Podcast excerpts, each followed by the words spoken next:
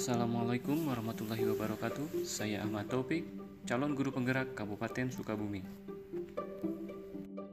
Ki Hajar Dewantara mengartikan pendidikan sebagai persemaian benih-benih kebudayaan. Dalam hal ini, Ki Hajar tidak membedakan antara pendidikan dan kebudayaan. Pendidikan adalah fondasi untuk mencapai peradaban atau kebudayaan yang kita cita-citakan. Sebagai guru di sekolah, kita tidak hanya bertugas untuk mencapai nilai-nilai yang bagus semata atau juara dalam bidang-bidang tertentu, tetapi lebih dari itu, tugas guru adalah untuk membentuk peradaban dan kebudayaan yang mulia di masa depan.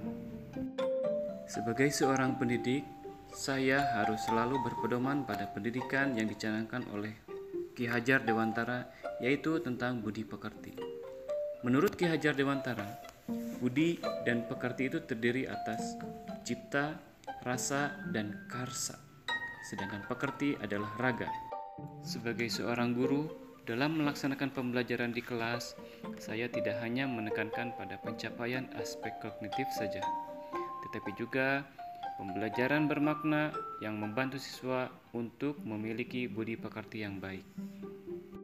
Tetapi lebih dari itu, Tugas guru adalah untuk membentuk peradaban dan kebudayaan yang mulia di masa depan. Jadi, dalam pelaksanaannya, pendidikan haruslah dilaksanakan secara holistik dan seimbang antara cipta, rasa, karsa, dan raga, sehingga dapat menghasilkan insan-insan yang penuh dengan kebijaksanaan di masa yang akan datang. Terima kasih. Salam guru penggerak. thank you